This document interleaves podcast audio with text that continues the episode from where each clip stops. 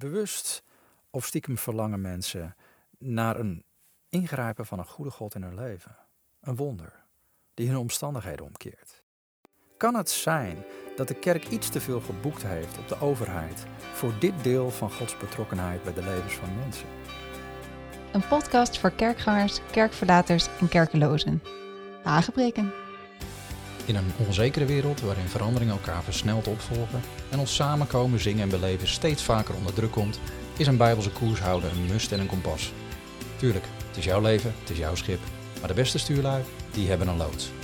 Mijn naam is Benaya en ik vaar graag een handje met je mee.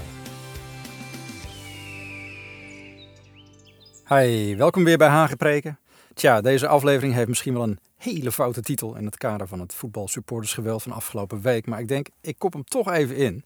Het hand-in-hand kameraden heeft namelijk wel een beetje een nasmaak gekregen sinds de laatste wedstrijd tussen Ajax en Feyenoord. Nou ben ik niet zo'n voetbalfan hoor. Uh, rugby is meer mijn ding, de All Blacks en dat soort dingen. Maar dat is in Nederland weer wat onbekender.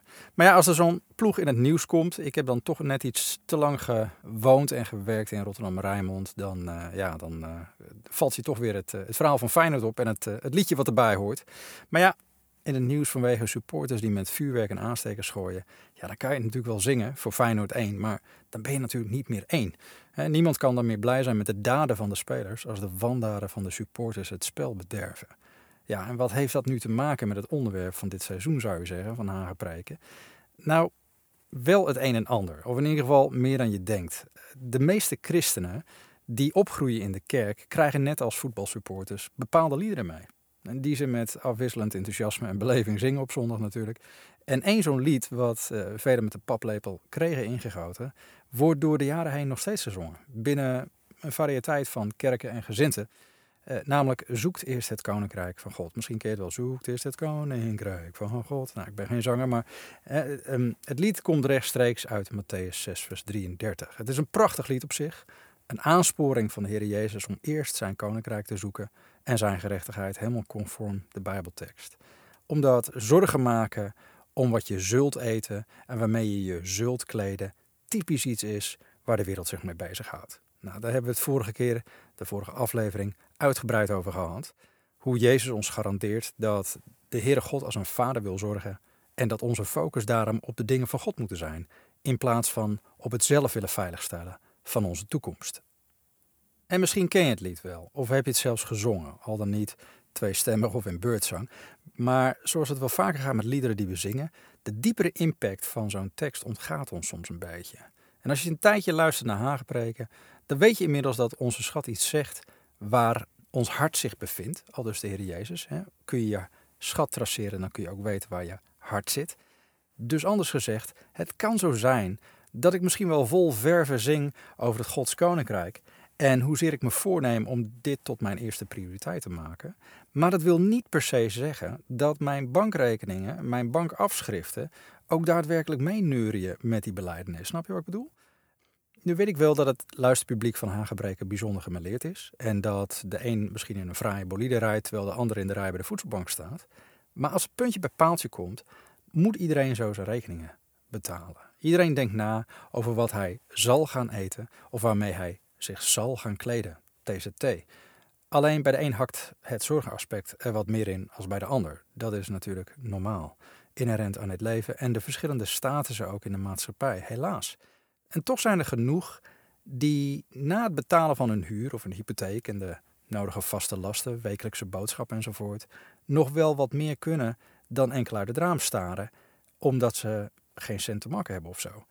Het bizarre is dat Jezus de opmerking zoekt eerst het koninkrijk van God en zijn gerechtigheid bijna als een soort remedie neerlegt bij degenen die zich zorgen maken over hoe ze straks de eindjes aan elkaar moeten knopen. Dat is heel boeiend. En we zouden zeggen, uh, is die speech misschien niet bedoeld voor de rijke tak van de samenleving? Kennelijk niet. Kennelijk geldt het ook voor de mensen die wat minder te maken hebben, om het zo maar even populair te zeggen. Hoe dan ook, het brengt de onvermijdelijke vraag: wat is dan de goede volgorde van prioriteiten? Als Jezus mij oproept, zoek eerst het koninkrijk van God en zijn gerechtigheid. He, Matthäus 6, vers 33. Ik bedoel, inmiddels is Jezus' boodschap aan ons wel duidelijk. Hij wil onze blik van ons geld halen, op zijn koninkrijk richten. Maar hoe zoek je dan dat koninkrijk. En met name in het kader van je geefgedrag, hoe doe je dat dan? Ehm, is er misschien een soort maatstaf? Ik bedoel, hoeveel is genoeg? Wanneer heb je genoeg gegeven? Die vraag die krijg ik wel eens. En vind ik altijd een hele mooie vraag. En even heel eerlijk. Als ik dat lied zong of, of zing, moest ik vaak toegeven dat een groot deel van mijn leven dat ik dan de daad niet bepaald bij het lied voegde, als je begrijpt wat ik bedoel. En we hebben het over de afgelopen afleveringen gehad over schatten, over geloof, over tijd, over geld en rentmeesterschap. Maar ik weet dat mijn schat dikwijls niet zo bijzonder geestelijk te vertalen was. Als je die zou willen volgen en je zou naar mijn bankrekeningen kijken, dan zijn er hele delen in mijn leven geweest waarin ja, die schat wel heel duidelijk ergens anders lag dan het koninkrijk van God toen ik net tot geloof gekomen was in Heer Jezus, was ik vrijgezel bijvoorbeeld. En eh, had ik niet heel veel verplichtingen. Daarom lag mijn schat vooral bij nou, dingen als windsurfen, verre vakanties, uitgaan, gadgets, muziek. Bewustzijn van het bouwen aan Gods koninkrijk, nou, daar had ik niet bepaald op mijn netvlies. En natuurlijk, met dat je ouder wordt, verschuiven de prioriteiten wat meer. Hè, richting het bouwen van, nou ja, voor veel mensen in Nederland het bekende huisje, boompje, beestje. Begon bij mij vrij laat, maar toch. En dan ligt de prioritering wat meer op het welzijn van, nou ja, dat veiligstellen en het welzijn van het gezin. Um, kwam dat deuntje toch weer eens voorbij. Hè? Zoek het koninkrijk van God en zijn gerechtigheid. Ja, dan zong ik natuurlijk wel weer gewoon mee uit volle borst. Maar ik dacht er verder niet veel over na. Het was ook makkelijk te vergeestelijken, zo'n lied. Hè? Um, passages als, uh, nou, bijvoorbeeld Lucas 12 33, die ik vorige keer al noemde. Hè? Verkoop al je bezittingen en geef de opbrengst weg als liefdesgave ja, die skipte ik meestal gauw naar een volgend Bijbelgedeelte. Herken je dat? Het lijkt allemaal zo rigoureus. Zo'n aansporing reserveer ik liever voor de multimiljonairs. Of in ieder geval voor de mensen die uh, rijker waren als ik zelf. Ik zong liever eerst het Koninkrijk van God, zou ik maar zeggen. Niet ik zoek, maar ik zong het liever eerst. Misschien valt je dat wel heel erg tegen van uh, uw gastheer, maar weinigen beginnen nu eenmaal met een gevend hart. Ik bedoel, kijk naar kinderen. De meeste van ons hebben van jongs af aan het dat is voor mij voor in de mond. En we worden niet geboren met een uh, ja, gevend hart per se. Hè. Ehm, we worden meer geboren met een hebben, hebben, hebben mindset. Dus zo vreemd is het op zich niet. Vandaar dat we allemaal makkelijker zingen dan dat we het ook daadwerkelijk doen wat we melodieus beleiden. Het zijn niet alleen de Feyenoord supporters die zich bij tijd en wijle schuldig maken aan het feit dat het geen woorden, maar daar een refrein haak staat op hun gedrag. En zo herinner ik me dus ook nog een lied, bijvoorbeeld uit de evangelische kring, wat klonk: Wij zijn hier gekomen met lofzang in ons hart. Alles wat u toekomt, hebben wij gebracht. Tja, niet I say more. Alles. Alles is een heleboel. Um, nu we het daar toch over hebben, laat ik dan toch maar eventjes een, eh, een lans breken voor een stel zwarte schapen in onze geestelijke familielijn. Uh, je kent ze wel, denk ik. Uh, Ananias en tante Safira. En dat vind je in het boek Handelingen, hoofdstuk 5, vers, uh, vers 1 tot een vers of 11. die waren van hetzelfde genre. Waarschijnlijk zongen ze ook gewoon goed mee. maar over naming en shaming gesproken, dit stel heeft niet zo'n beste reputatie. Sterker nog, ze zijn volledig gecanceld.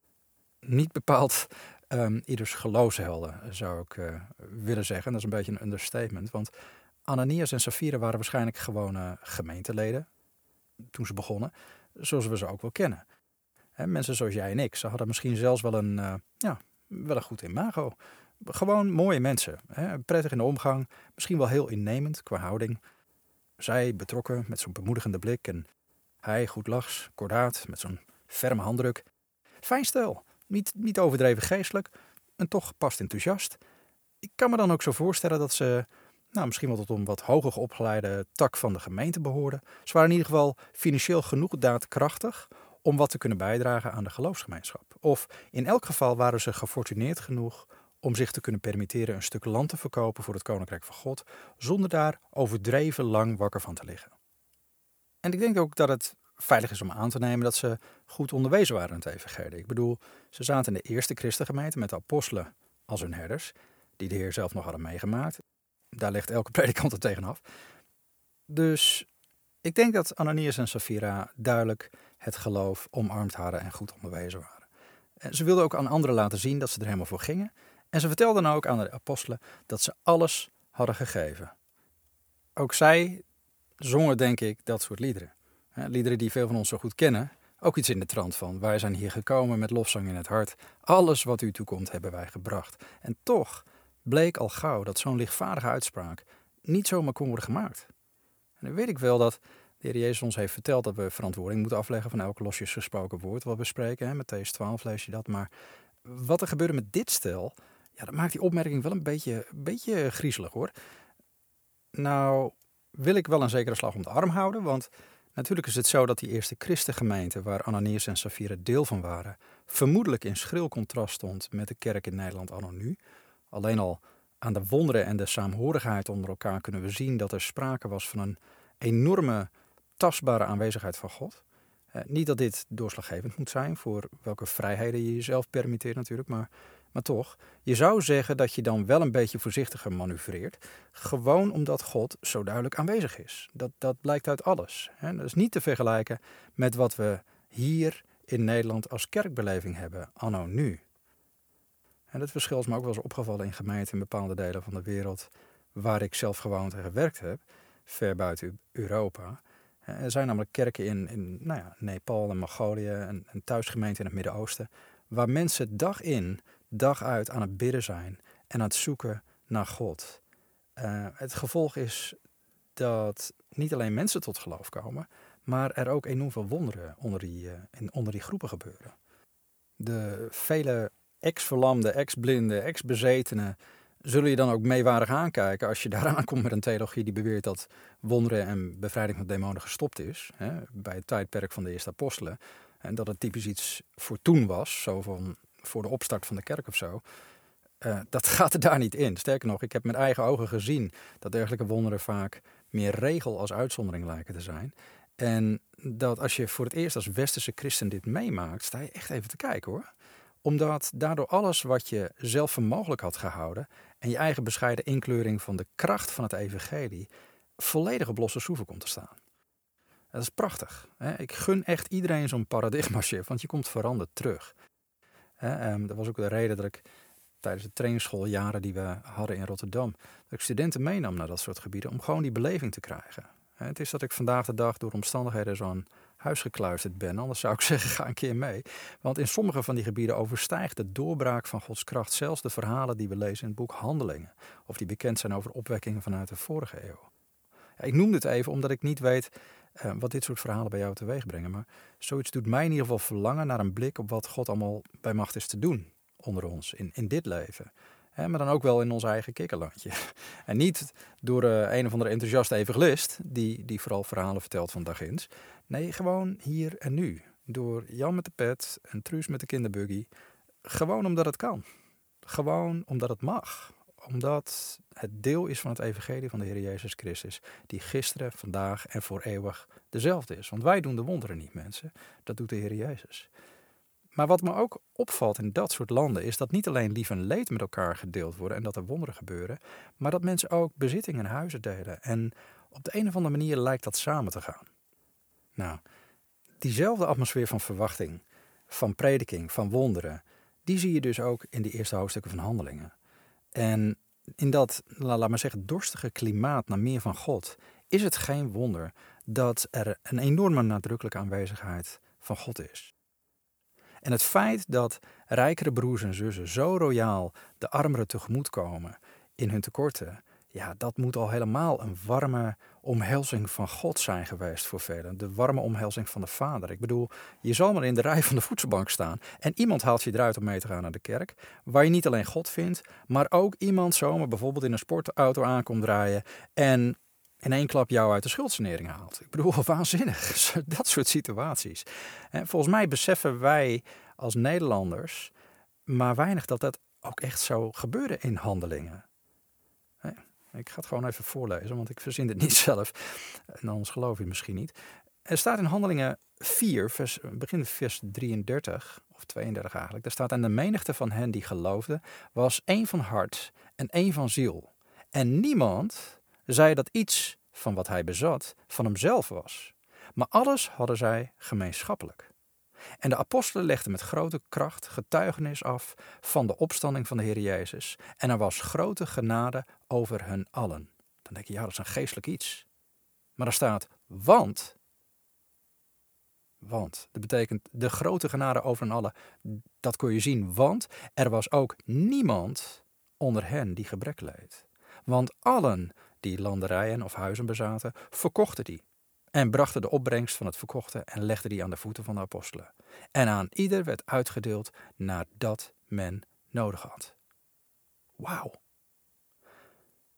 In ons eigen landje zitten christenen arm en rijk vaak in dezelfde kerk, onwetend over elkaars levensomstandigheden. En waar dit wel bekend is, ja, dan proberen wij mensen vaak te helpen met een, eh, ja, een voedsel- of een kledingbank.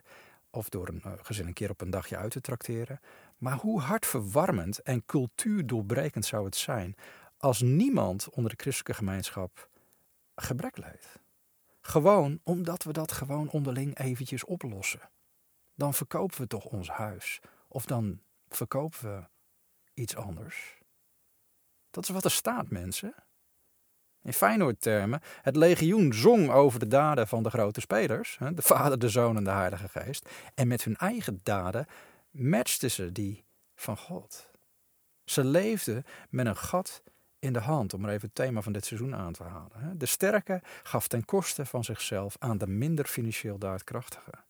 Prachtig. Wie wil er nou niet leven in zo'n dynamische atmosfeer, waarin God zo tastbaar aanwezig is onder de mensen? Maar goed, nu even dat kleine kanttekeningetje. Die atmosfeer had dus wel tot gevolg dat mensen als Ananias en Safira een oneerlijke verslaggeving van hun aandeel in de offergave met de dood moesten bekopen. Hè? Eh, mocht je het verhaal niet helemaal kennen, laten we het verslag ook even lezen. Handelingen 5. Dat begint gewoon in vers 1. En een zekere man van wie de naam Ananias was, verkocht samen met zijn vrouw Safira een eigendom. En hield een deel van de opbrengst achter. Ook met medeweten van zijn vrouw. En hij bracht een bepaald gedeelte en legde dat aan de voeten van de apostelen. En Petrus zei: Ananias, waarom heeft de Satan uw hart vervuld, zodat u gelogen hebt tegen de Heilige Geest en een deel achtergehouden hebt van de opbrengst van een stuk grond? Als het onverkocht was gebleven, bleef het dan niet van u. En toen het verkocht was, bleef de opbrengst dan niet tot uw beschikking. Waarom toch hebt u deze daad in u voorgenomen? U hebt niet tegen mensen gelogen, u hebt tegen God gelogen. Toen Ananias deze woorden hoorde, viel hij neer en gaf de geest. En er ontstond grote vrees bij allen die het hoorden. Ja, dat laatste vind ik niet zo gek. Ik zou ook niet slapen als ik het live zag gebeuren. Kun je het voorstellen? Enfin, drie uur later komt zijn vrouw Safira polshoog te nemen en ze weet totaal niet wat er gebeurd is. En Petrus kreeg de eerste keer een kijkje in het hart van Ananias, dat is duidelijk, want dit kon hij niet weten. Maar dit keer vraagt hij het Safira rechtstreeks. En staat in vers 8. Petrus antwoordde haar: Zeg mij, hebt u beide het land voor zoveel verkocht? En zij zei: Ja, voor zoveel.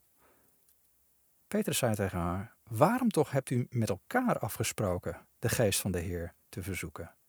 Zie de voeten van hen die uw man begraven hebben, zijn voor de deur en ze zullen u ook uitdragen. En zij viel onmiddellijk voor zijn voeten neer en gaf de geest. Wow, geen wonder dat er nog een keer staat. En er kwam grote vrees over heel de gemeente en over alle die het hoorden. Heftig dit alles. En waarom gebeurt dit? Je, zou denken dat er wel vaker mensen zijn die zich wat beter voordoen dan dat ze zijn. Tegenwoordig noemen we dat uh, imagebuilding of, of, of, profilering, met een mooi woord. Medige LinkedIn profiel loopt ervan over. Instagram, Facebook en Snapchat accounts trouwens ook. Als je daar je zelfbeeld aan zou moeten ontlenen, dan denk je al gauw dat je werkelijk tot de kneusjes en de misfits van de maatschappij behoort. Maar vergeleken met wat daar aan happy, feel good en glamour wordt geëtaleerd, daar, daar, kun je niet mee, uh, daar kun je niet mee wedijveren. En Anias en Safira hadden waarschijnlijk wel, uh, wel raad ermee geweten, in ieder geval een hoop volgers gehad, maar we doen dat aan de lopende band lijkt wel tegenwoordig. Maar wat was er nu zo'n doodzonde, letterlijk, in het geval van Ananias en Safira? Nou, allereerst is het opvallend dat in de eerste christelijke gemeente het kennelijk de gewoonte was om daadwerkelijk alles met elkaar te delen. Of zoals we lazen in vers, uh, vers 32 van hoofdstuk uh, eh, 4, niemand zei dat iets van wat hij bezat van hemzelf was. Maar alles hadden zij gemeenschappelijk. Ja, wij zeggen gewoon, dit is mijn huis, of dit is mijn auto, of wauw, ik kan me voorstellen dat dit een enorme saamhorigheid creëert. En ook een enorme blijdschap dat je niet alleen staat in dit leven. dat je samenkomt met de rest van de familie van God en alles is van ons. Dat wordt echt thuiskomen als je dan een, een meeting samen hebt, een samenkomst. Dat voelt volgens mij echt als een warm bad, een echt reëel, tastbaar iets. Als je dan samen God ook nog gaat aanbidden, ja, wat een positieve atmosfeer, kan ik me zo indenken. En dan die ultieme shock, prachtige zondagsdienst weer, met inderdaad wel weer zo'n enorm groot offer in de collectezak. En plotseling kaboom. En nog een keer kaboom. Twee doden. Waarom? Het was niet zo dat het stel niet alles gaf. Daar was Petrus duidelijk over. Het staat ons vrij te doen eh, met onze bezittingen wat we willen. wil je het houden? Prima. Wil je het verkopen? Ook prima. Wil je een deel weggeven? Ook goed. Is allemaal aan jezelf. Maar Ananias en Safira zeiden dat ze wel alles hadden gegeven. Dus de eredienst kreeg daarmee voor hun duidelijk een andere focus. Ze wilden duidelijk met de eer strijken en zichzelf in het zonnetje zetten. Ja, misschien kun je dat in deze tijd nog uh, onder het kopje profilering of imagebuilding wegzetten. Um, maar als de aanwezigheid van God zo sterk is, ja, dan moet je daar heel voorzichtig mee zijn.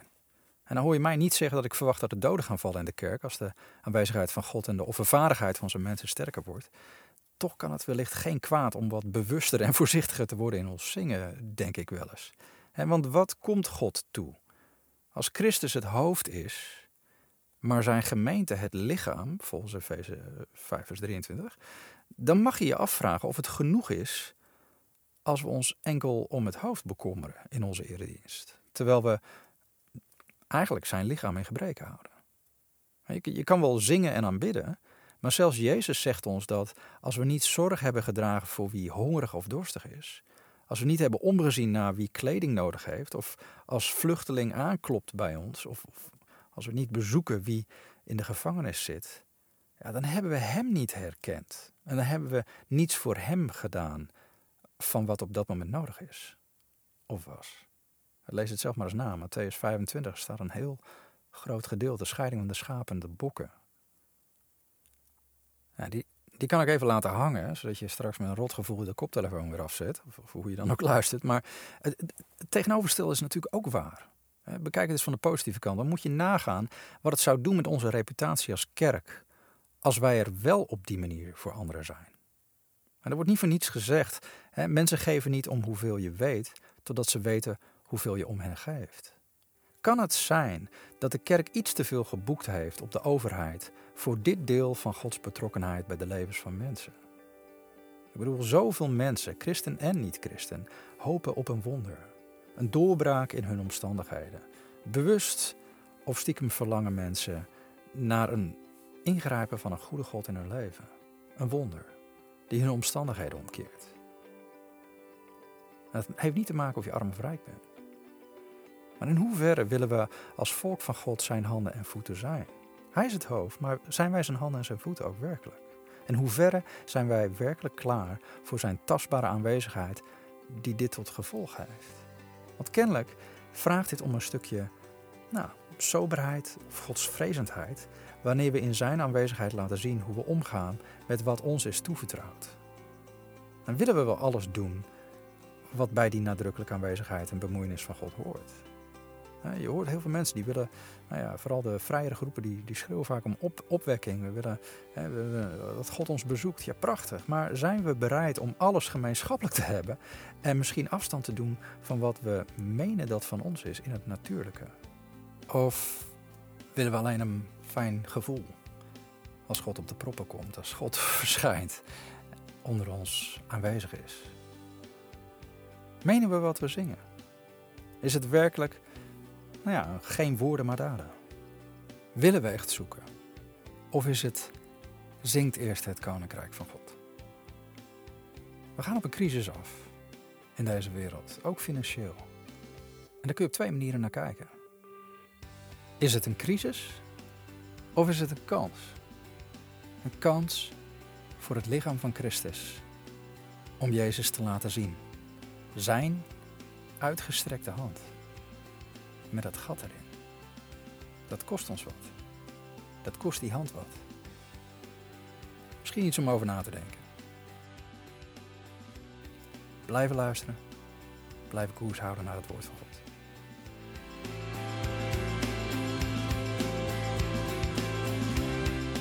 En heb je vragen, aanvullingen of opmerkingen? Surf even naar saintknm.com of stuur me een mailtje podcast@SaintKenan.com. en dan tik ik mij even terug.